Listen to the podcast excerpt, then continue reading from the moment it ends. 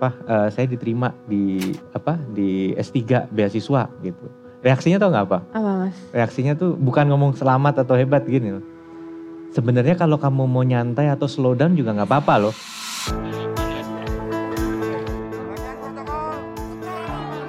Sebagai orang yang bekerja di politik, bukannya harus punya citra mas? Betul, makanya gini, uh, branding itu kan juga di, di, di desain ya gitu ya. Di dalam politik yang dicari itu adalah sensation. Apa yang menarik nih, Emil ini normatif jadi pemimpin gitu kan. Nggak pernah kelihatan wow atau apa gitu. Saya bilang udah deh gini aja, saya politik orang baik aja. Ah masih politik orang baik. Udah gue lempeng aja, berhasil alhamdulillah. Enggak ya udah. Hai teman-teman, hari ini kita hadir di panggung kedua Ngobrol Sore Maunya live on stage di Kota Malang. Dan episode hari ini super spesial karena aku hadir untuk teman-teman semua bersama BNI. Nah info penting untuk teman-teman, kini buka tabungan BNITA Plus, BNITA Plus Muda dan BNITA Plus Business dapat dilakukan secara digital melalui BNI Mobile Banking tanpa perlu datang ke cabang. Jadi yuk buka rekening digital BNI, nggak pakai nanti.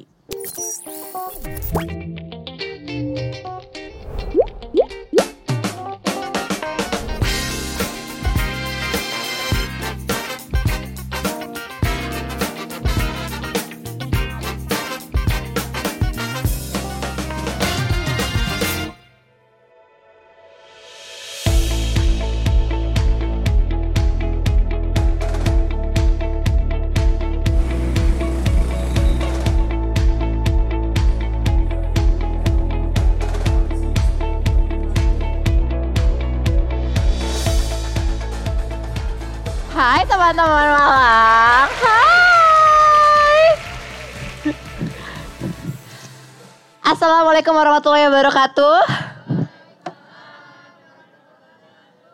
Hai teman-teman, apa kabar?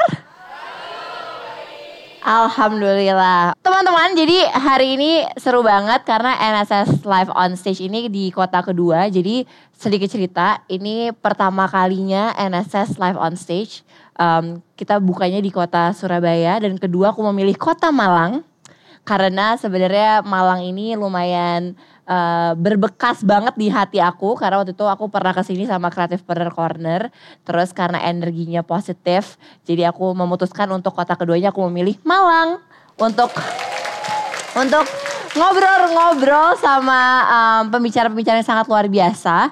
Dan aku seneng banget karena kita akan mengawali obrolan um, NSS Live on Stage uh, bersama tamu yang sangat spesial, seorang leader eh, yang masih muda. Beliau adalah Wakil Gubernur Jawa Timur. Jadi langsung saja kita panggil bareng-bareng Bapak Emil.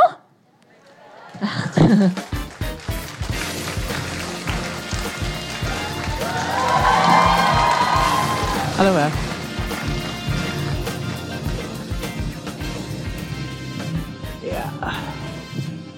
Hai Mas.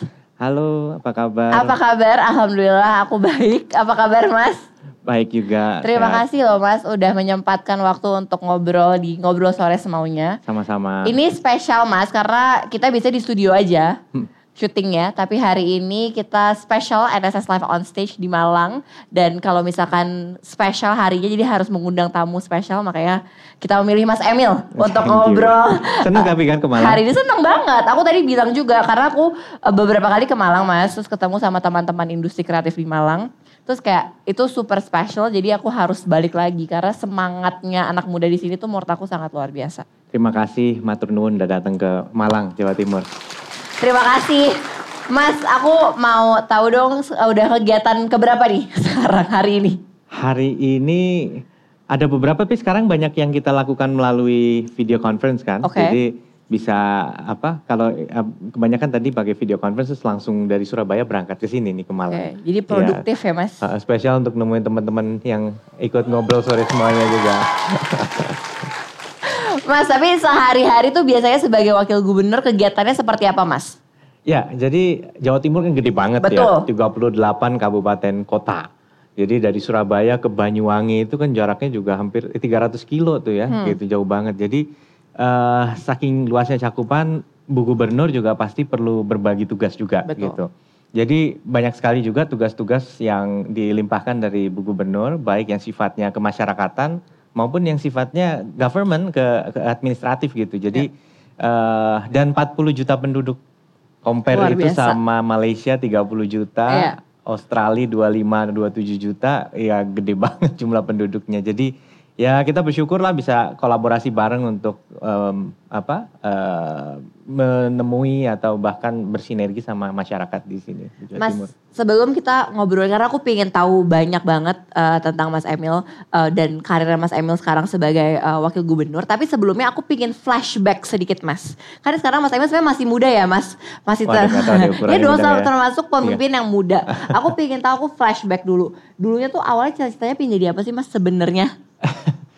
Cita-citanya Iya. sebenarnya pengen jadi profesor. Oh, oke. Jadi waktu SD itu inspired sama filmnya Back to the Future, eh, filmnya Steven Spielberg Ya. gitu ya. Jadi eh, ada episode yang ada ada series yang dia bikin mobil terbang. Wah, Ya. jadi habis itu fascinated banget sama physics, fisika, udah gitu. Waktu SMP dapat kesempatan mewakili Indonesia ke Asia Youth Science Conference di Oh, Tokyo di oke. Jepang. Wah, habis itu oke gue science banget lah pokoknya Iya. gitu kan, geek banget deh pokoknya. Nggak taunya tapi dalam perjalanan pas dapat beasiswa, Ya. eh, dapat beasiswa ASEAN sekolah di Raffles Institution di Singapura, itu udah bilang ah di Indonesia tuh laboratoriumnya nggak keren, nggak kayak di luar negeri kan ngomong gitu ya, Iya. belagu lah biasa kan. Begitu udah sampai sana, ternyata clumsy banget ini tangan. Jadi apa pun yang dilakukan di lab, jadi bisa tuh nilai di laboratorium itu C, tapi di paper teorinya tuh Bagus, A. A, Heeh. oke. Wah dari situ jadi, wah ini kalau gua bikin jembatan bisa-bisa celaka yang naik gitu kan bahaya. jadi artinya kita mulai mulai sadar gitu bakatnya lebih di mana gitu dan tiba-tiba kenal sama economics. Oke. Kenal ekonomi kan nggak, eh, ekonomi itu kan blending antara ilmu matematik juga ada, tapi juga social science ada gitu. Ya. Kok kayak seru gitu. Ya udah jadi akhirnya tertarik dalamin ekonomi, jadi banding setir ke jurusan ekonomi gitu. Oke, Mhm. berarti Mas Emil S1-nya ngambil S1-nya ngambil economics. economics berarti udah kan. Itu di Australia waktu itu Mas. Kebet- eh, jadi ini cerita juga lucu. Oke, jadi, gimana tuh, Mas? Waktu itu kan sebenarnya di Singapura beasiswanya harusnya lanjut lagi ngambil junior college, Ya. A level, terus barulah kuliah Betul. gitu. Tapi waktu itu baca buku ini bapaknya Pak Prabowo. Dia Oke. kan doktor salah satu dokter termuda tuh zaman dulu Sumitro Joyo Hadikusumo. Jadi dia memang eh, ekonom topnya Indonesia lah waktu itu kan menteri juga. Jadi wah dia lulus PhD 25 apa 26. Saya bisa lebih muda. Nah waktu itu umur 14 tuh udah ngerancang hidup tuh. Pokoknya gimana caranya lulus Dari umur 16 tahun Mas. dari umur 14 ngerancangnya. Wow. Waktu di Singapura. Jadi pokoknya umur 22, syukur-syukur 21 atau paling lambat 23 harus udah jadi PhD gitu. Jadi akhirnya wah kalau saya tetap gua tetap di jalur di Singapura ini nggak selesai nih nggak. Jadi akhirnya banting ngambil sistem Amerika. Oke. Ke library belajar sendiri ujian namanya SAT 2 ya. Oke. Kalau SAT 1 kan cuman eh, English sama Maths Ya. kan. SAT 2 tuh udah subjek physics, maths, writing dan memang kita bisa masuk uni langsung. Jadi belajar sendiri tuh selama tiga bulan, pokoknya akhirnya eh, ambil ujian, terus berhasil tuh lulus dengan nilai yang nggak excellent tapi cukup lah untuk Oke. untuk diterima di kampus-kampus di sana gitu. Jadi itulah ceritanya kemudian waktu itu datang ke pameran eh, pendidikan. Jadi awal-awal tuh eh, nggak diterima Oke. karena kamu masih kemudaan, baru 16 tahun, belum bener-bener selesai ini, tapi memang udah selesai ujiannya. Cobain aja semua university diketok pintunya mana yang mau nerima. Oke. Akhirnya di Indiana, di Amerika ada yang mau nerima. Oke. Berbekal itu balik lagi tuh ke kampus, eh, dia tuh ada affiliate partnernya tuh yang di Australia. Ya. Nah affiliate-nya itu aku datengin bawa bawa acceptance letternya, oh ya udah diterima. Modal ini akhirnya kita pakai nih buat daftar ke yang tadinya reject. Nih loh, saya diterima di Diterima sini di sini, sini. Oh, Oh, ya udah oke. boleh loncat. Akhirnya 16 tahun bisa kuliah. Wow. Tapi Mas, aku penasaran kan dari umur masih umur 14 tahun udah bisa merancang hidup. Udah bisa tahu kayak oke, kapan harus banting setir, kapan harus realize bahwa oh ternyata em, mimpi awal itu tadi ya. Karena pingin menjadi science, uh, scientist Iya. gitu ya. Terus tiba-tiba, oh I think I need to let go karena ternyata ya tadi mas misalkan Iya, di papernya bagus, clumsy ya, eh, ha. di clumsy. Itu gimana thought prosesnya gimana mas?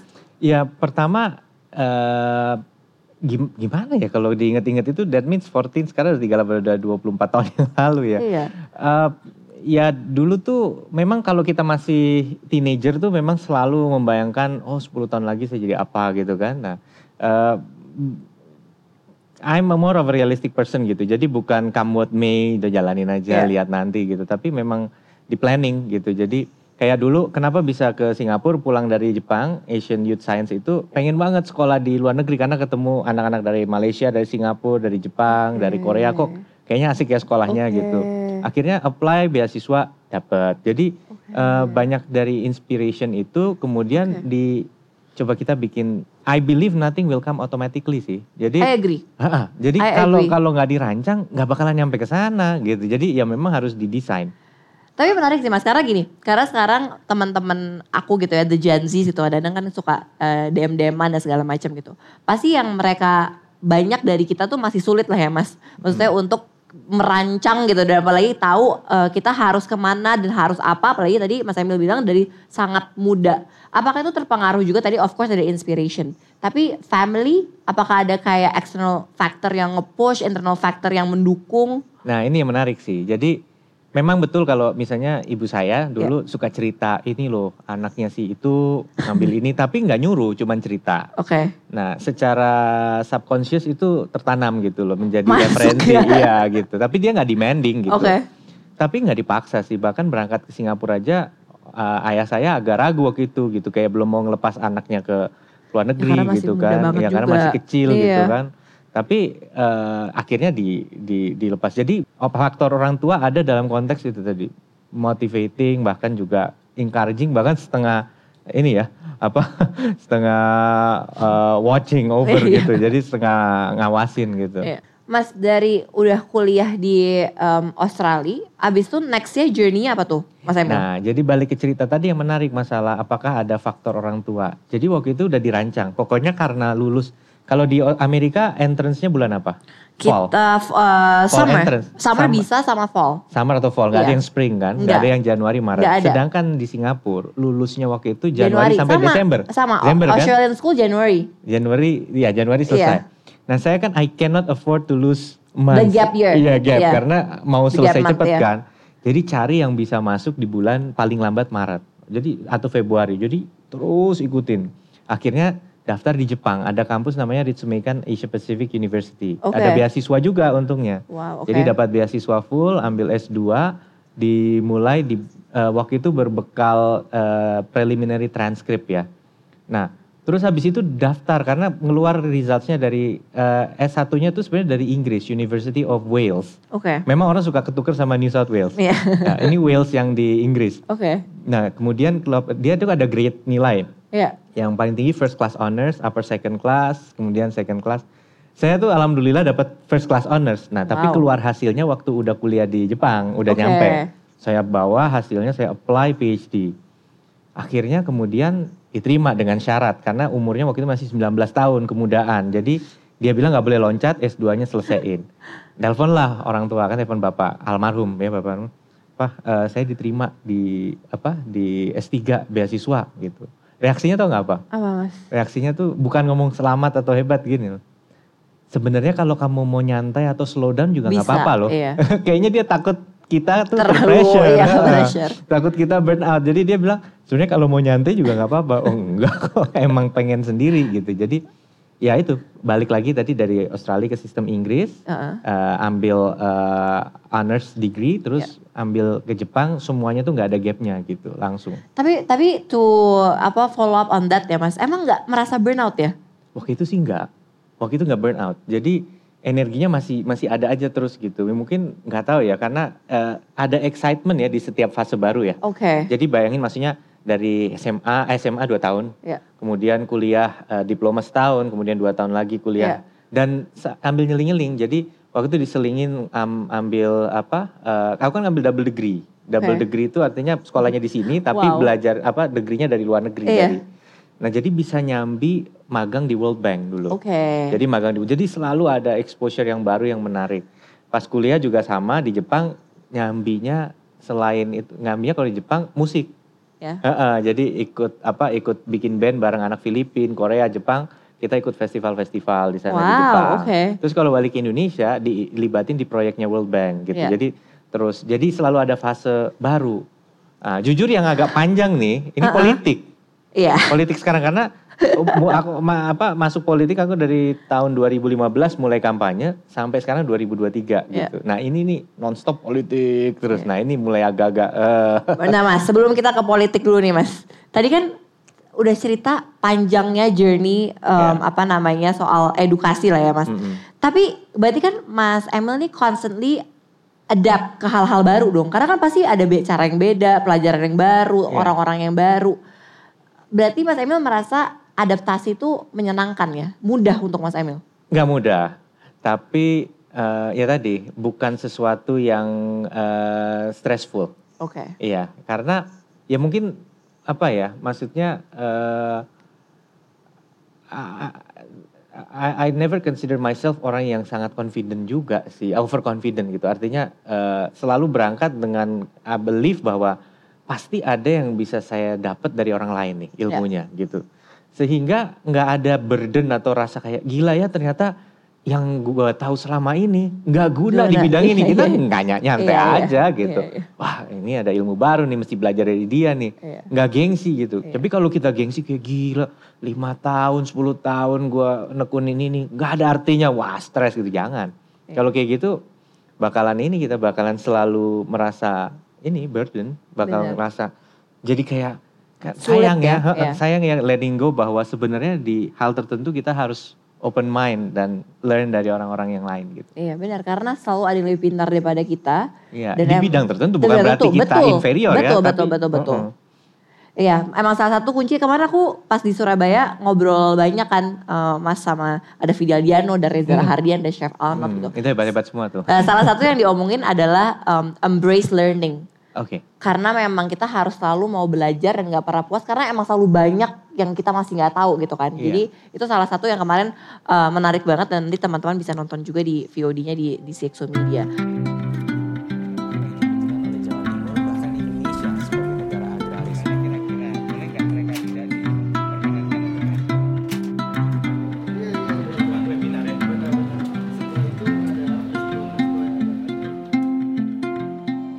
Nah, tadi Mas Emil udah bilang soal politik.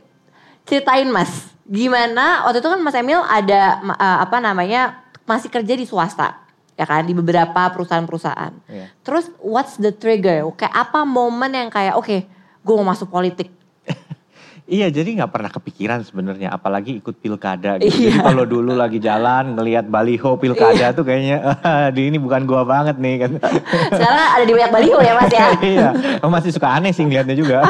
jadi apa? eh, jadi bener-bener boleh dibilang yang ngerubah persepsi tentang pilkada. Menurut saya, paling nggak buat diri saya tentang pilkada bukan tentang politik ya. Betul betul. Tentang pilkada. Kalau tentang politik dari dulu kita udah inspired lah. Saya akui Pak SBY misalnya atau bahkan Gus Dur, Habibie.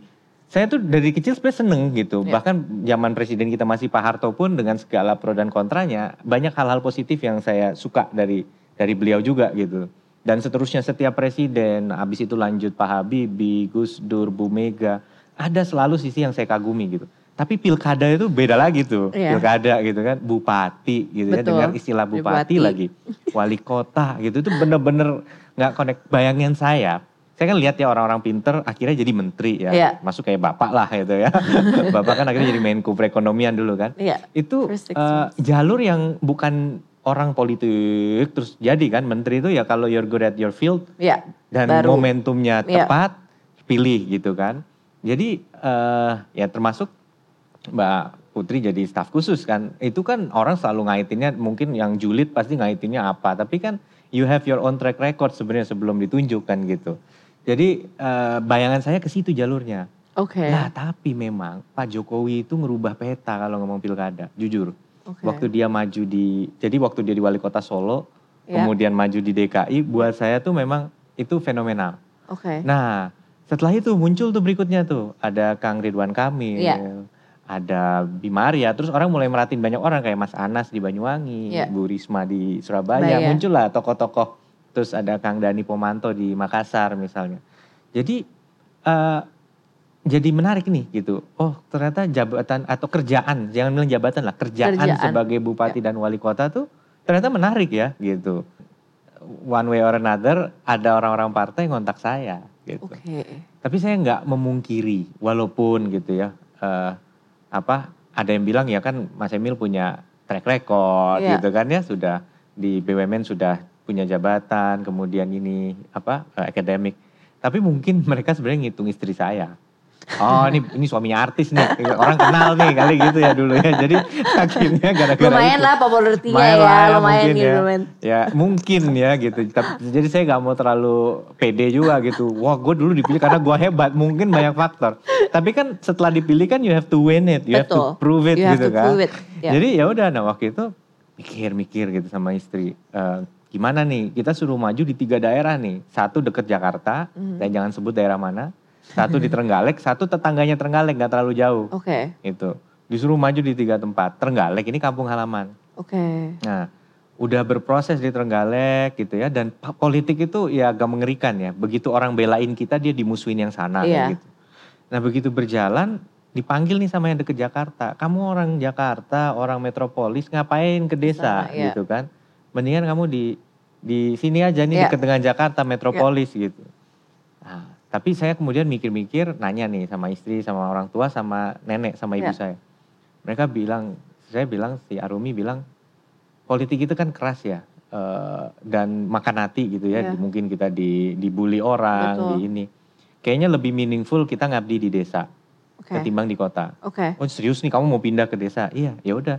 Akhirnya kita tetap jalan di Trenggalek. Apalagi kasihan banyak orang udah belain kita. Iya. Terus kita tinggal, mereka udah dibukain juri musuhin Iya, kan. iya. Terus kalau kita pergi kan lawan kita nih yang bakalan menang Benar, kelihatannya kan benar. gitu. Jadi wah dan kasihan nenek saya karena Iya. nanti nenek saya dibilang wah cucunya lebih milih daerah yang lebih besar, Besar, lah iya. atau lebih apa gitu. Jadi tetap lanjut di Trenggalek. Mas tapi ada yang dikangen nggak dari kerja di swasta setelah tadi ya melewati banyak hal em, politik gitu ya? Ada kangennya nggak sih mas kerja di swasta? Ada. Jadi gini, ini jujur ya teman-teman misalnya gitu. Sekarang kan eranya medsos gitu. Kita tuh mau posting tuh banyak galaunya. Hmm.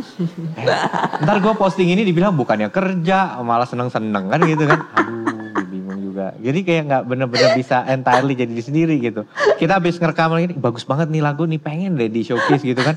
Ntar dibilang bukannya kerja malah nyanyi, Iya iya. kan, jadi aduh.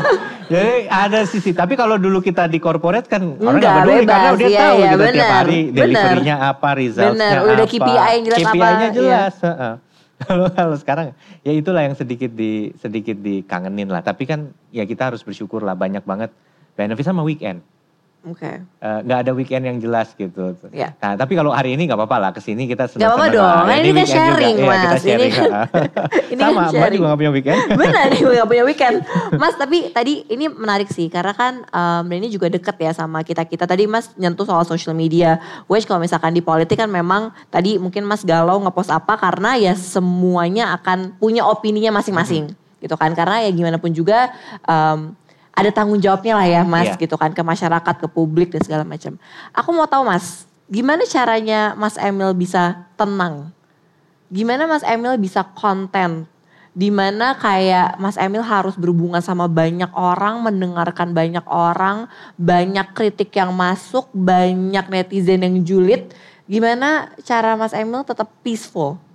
Nah ini nih di politik tuh ya eh ada dua kita bisa kehilangan apa kehilangan supporter, tapi kita bisa kehilangan teman gitu. Nah Hmm. kehilangan teman tuh rasanya nggak enak banget dibanding mungkin kalau kehilangan supporter bukan berarti supporter nggak penting, tapi dinamika politik tuh macam-macam. Mereka mungkin Oke, kecewa sama menarik. kita, mereka nggak ini. Ya.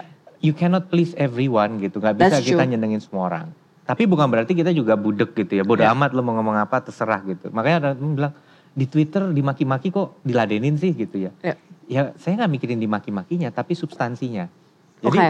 substansinya dia aja yang saya debat. Kita debat ilmiah aja bahwa kita kalau orang itu pakai bahasa yang nggak enak gitu ya, kayak macam-macam di, di, di- orang tuh ngeritik macam-macam mbak. Misalnya jalan bolong nih, ada yang ngeritik misalnya, Pak jalanannya bolong, bahaya gitu kan, tolong segera dibenahi. Ada lagi yang gini, kayaknya pemerintah pengen bikin orang mati deh, disengajain jalan bolong. Nah kan macam-macam tuh nyampe kan.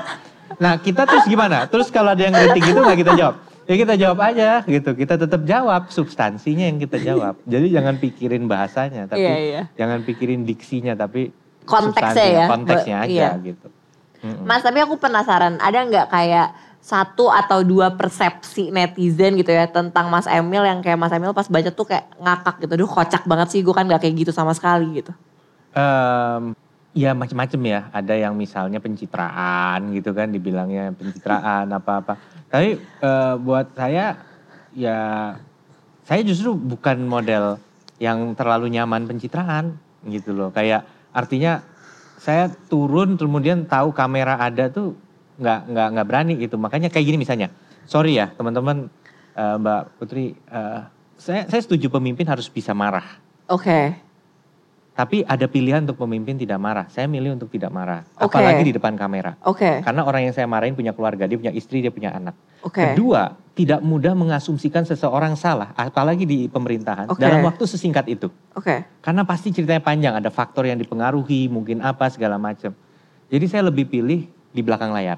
oke, Di depan. Nah, itu hari ini susah, Mbak. Di dalam politik yang dicari itu adalah sensation. iya, Iya dong. Apa yang menarik nih? Emil ini normatif jadi pemimpin gitu kan. Nggak pernah kelihatan wow atau apa gitu. Ya kadang-kadang aja pernah eh, tertentu misalnya dapat apresiasi itu saya juga nggak paham. Kayak Iya. waktu itu saya kesel banget jalan tuh berlubang Eh, gitu kan kok nggak beres-beres. Kemudian sama orang dilingkarin pakai pilok Ya. gitu kan. Saya kan sebel juga kan. Kenapa sih kok sampai orang harus nandain duluan nggak bisa Pakai kita pilok, nandangin iya. Akhirnya saya juga pilok-pilokin juga bareng. Apa mak- maksudnya bahwa udah gue juga frustasi nih gitu kan. Ayo cepetan di, di, ditanganin gitu. Ternyata itu dianggap sensasi. Oke. Ya, tanpa harus marahin orang. Oke. Ya, tapi bener-bener nggak ada rencana oke, nggak ada rencana sama sekali gitu. Tapi gini, memang publik perlu tahu bahwa pemimpinnya itu sefrekuensi. iya, Jangan sampai mereka ngerasa, duh pemimpin saya ini sebenarnya nggak peduli sama kita. iya, Jadi itulah sebabnya kita harus jawab. Kita Oke. tapi cara itu macam-macam. Iya. Nggak semua menarik di media, nggak semua bisa jadi clickbait atau headline. Tapi aku masih penasaran sama poin yang tadi Mas Emil bilang soal pencitraan. Kan Mas Emil bilang kan bahwa kayak ah, pencitraan tuh apa sih nggak nggak. Tapi bukannya justru di politik emang harus ada citra ya. Sebagai sebagai orang yang bekerja di politik bukannya harus punya citra Mas. Bet- Betul, makanya gini, eh, branding itu kan juga di, di, di desain ya Betul. gitu ya. Tapi inilah susahnya politik. Di satu sisi itu showbiz, di sisi itu lain itu real gitu loh. Iya. Kalau showbiz kan apa apa showbiz itu kan memang you are entitled to do whatever you want Betul. gitu kan. Walaupun ada etika penyiaran Iya, dan iya, konten. iya, iya.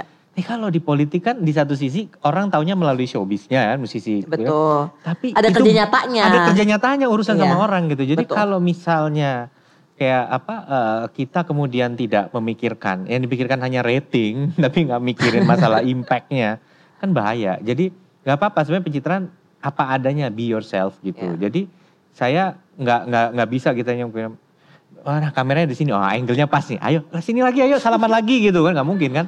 iya kan nggak mungkin gitu. Kadang-kadang disuruh begitu. Lucu Pak, banget salah sih. lagi pak Iya, kameranya iya. belum.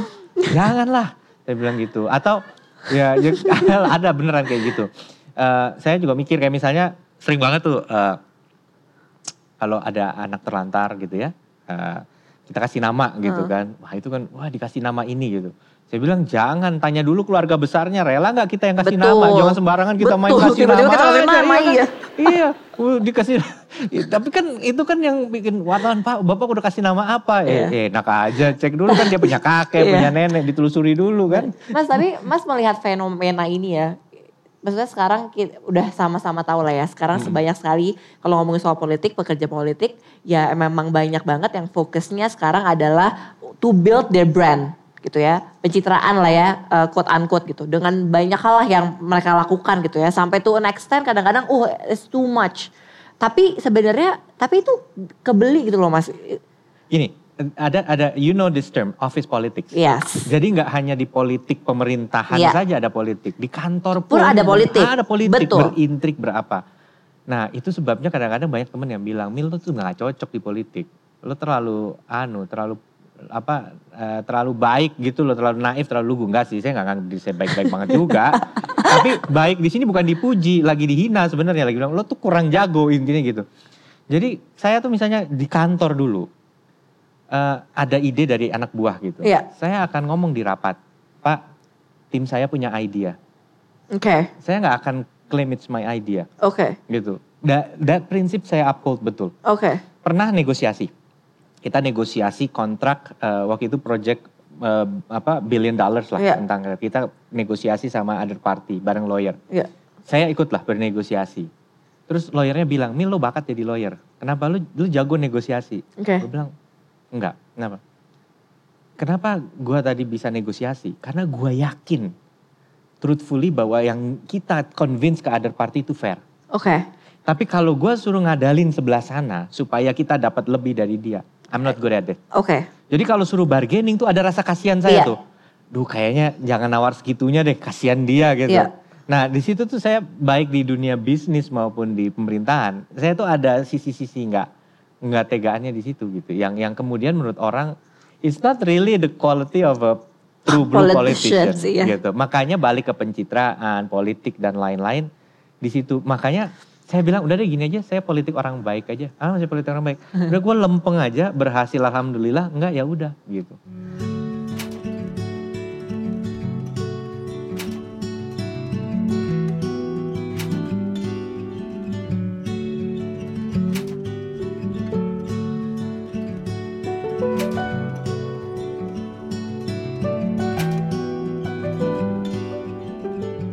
Oke mas, tapi tadi menarik ngomongin soal office politics, which itu memang udah terjadi lah ya. Dan misalnya itu di mana-mana gitu.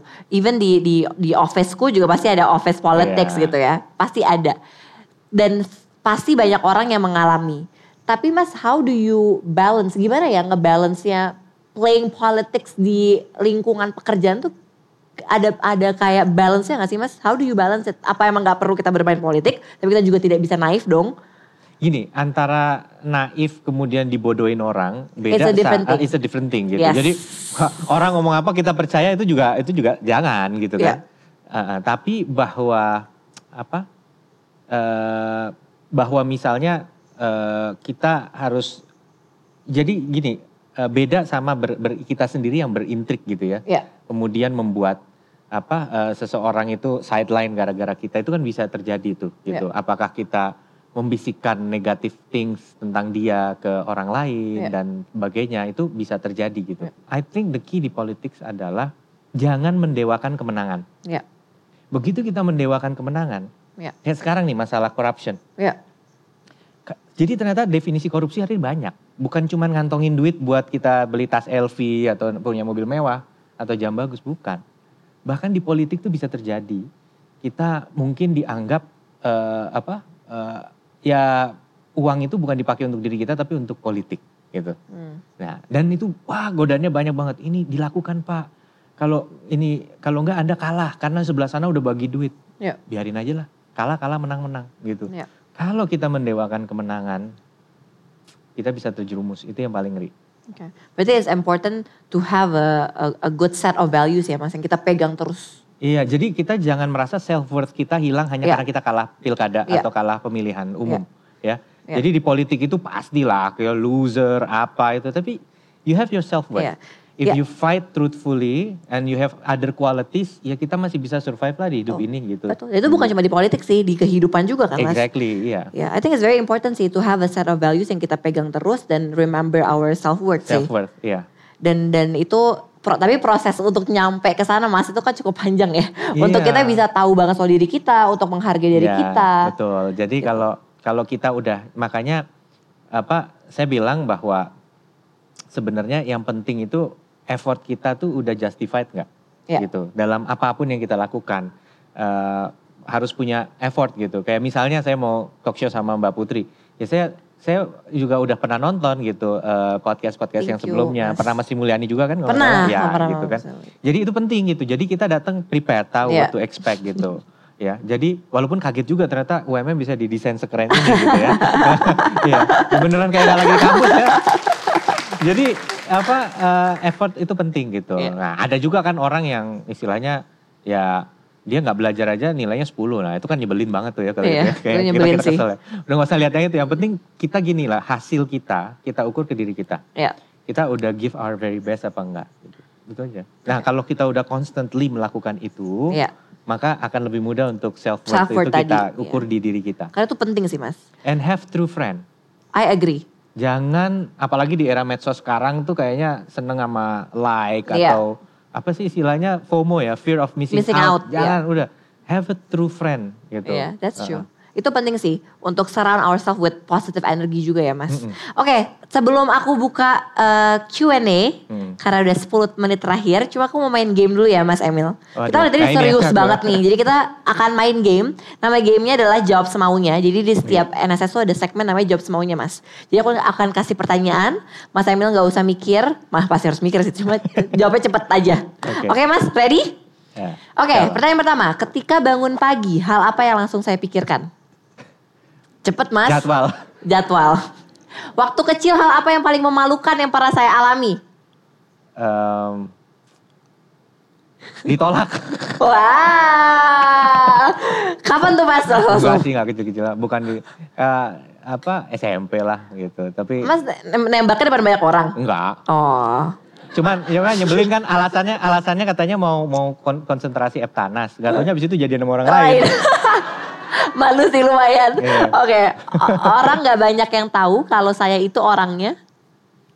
Em, sebenarnya bodor juga sih gitu. Orang pikirnya kita tuh ya Emil tuh serius gitu. Dipikir tuh kayaknya dipikir oh Emil tuh udah udah pinter dari sananya padahal banyak banget kegagalannya. Oke. Waktu masuk SMP, Eh. nemku itu itu 10% terbawah.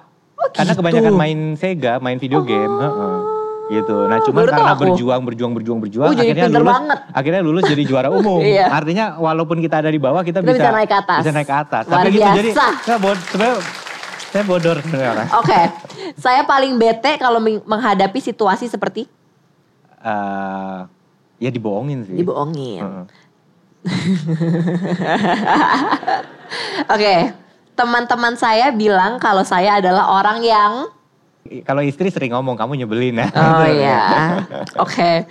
Em, saya merasa hidup pada saat Pada saat ini apa ba- pada saat jujur sih pada saat sukses. Jadi Oke. kalau misalnya ada effort terus berhasil tuh kayaknya senang, wah gitu. bahagia ya, Heeh. hidup gitu ya Mas. Hmm. Nasihat terbaik yang pernah orang berikan ke saya. Em, kalau kalau nasihat terbaik lifelong learner dari Iya. almarhum bapak. Jadi man never finish, learning never stop. Gitu. Terakhir Mas, menurut saya kebahagiaan adalah Eh, sesuatu yang kita definisikan sendiri. uh bahagia itu pilihan gak sih Mas? Itu simple gak sih menurut Mas Emil? Pilihan itu udah bener banget mutlak pilihan. Bahagia itu pilihan. Eh, Bener-bener apa? So it's a eh, state of mind. state of mind. Ya pastilah orang lagi susah, eh, orang susah tuh mutlak gitu. Iya. Kemalingan tuh mutlak. ya, jadi, ya, ya, misalnya kita kemalingan, saya bahagia itu nggak Gak mungkin itu, gitu. itu gak mungkin. Ya, jadi bahagia jangan dilihat short term gitu loh, tapi agak long term gitu. Tapi bahwa setelah kemalingan, kemudian dia bisa eh, saat saya bisa ikhlas kemalingan, terus actually bisa fokus on apa moving on. Nah itu dilihat. Tapi pas momen kemalingan ya nggak mungkin bahagia gitu. Itu nggak mungkin gitu. Oke, jadi kebahagiaan itu adalah state of mind and it's definitely a choice. Iya dan itu bukan bukan eh, jangan dilihat point of time ya, tapi Iya. sebenarnya it's a bit of a horizon Along, gitu. Heeh. Last question, ini aku selalu tanyain di ngobrol sore semaunya. Kalau misalkan nanti Mas Emil lima tahun lagi iseng nih nonton episode kita lagi Mas. Apa yang Mas Emil sekarang ingin sampaikan ke Mas Emil di lima tahun mendatang yang sedang Oh. nonton? Iya, ini berat juga nih ya, lima tahun lagi, lima tahun sekarang. Ya don't be a different person sih. I'm very comfortable dengan siapa saya hari ini secara values ya. Kalau secara knowledge ya harus berkembang lah. Kalau kalau itu yang berat. Tapi kalau secara values mudah-mudahan nggak berubah. Saya nggak tahu masa depan saya di politik kayak apa. Tapi mudah-mudahan tidak compromise lah gitu. Sebagaimana saya juga eh, yakin diri saya 10 tahun lalu sebelum masuk politik gitu ya. Saya masih Emil yang sama gitu dalam arti ya sudah gitu nggak Masih nggak memegang the same set of values Masih ya. the same set of values, tidak mendewakan glory, tapi semua yang penting effort. Kita pada saat effort kita pengen menang, Ya. betul. Tetapi bukan menghalalkan segala cara, gitu. Dan politik is a fight of a lifetime sih. Jadi kalau politik itu udah kayak hidup mati, jadi sangat mungkin menghalalkan segala cara itu terjadi kalau lagi di politik. Thank you so much Mas Emil. Sama-sama. Terima kasih teman-teman yang sudah nonton Ngobrol Sore Semaunya. Jangan lupa untuk terus nonton Ngobrol Sore Semaunya setiap hari Kamis hanya di CXO Media. Dan juga jangan lupa subscribe and share. Bye-bye.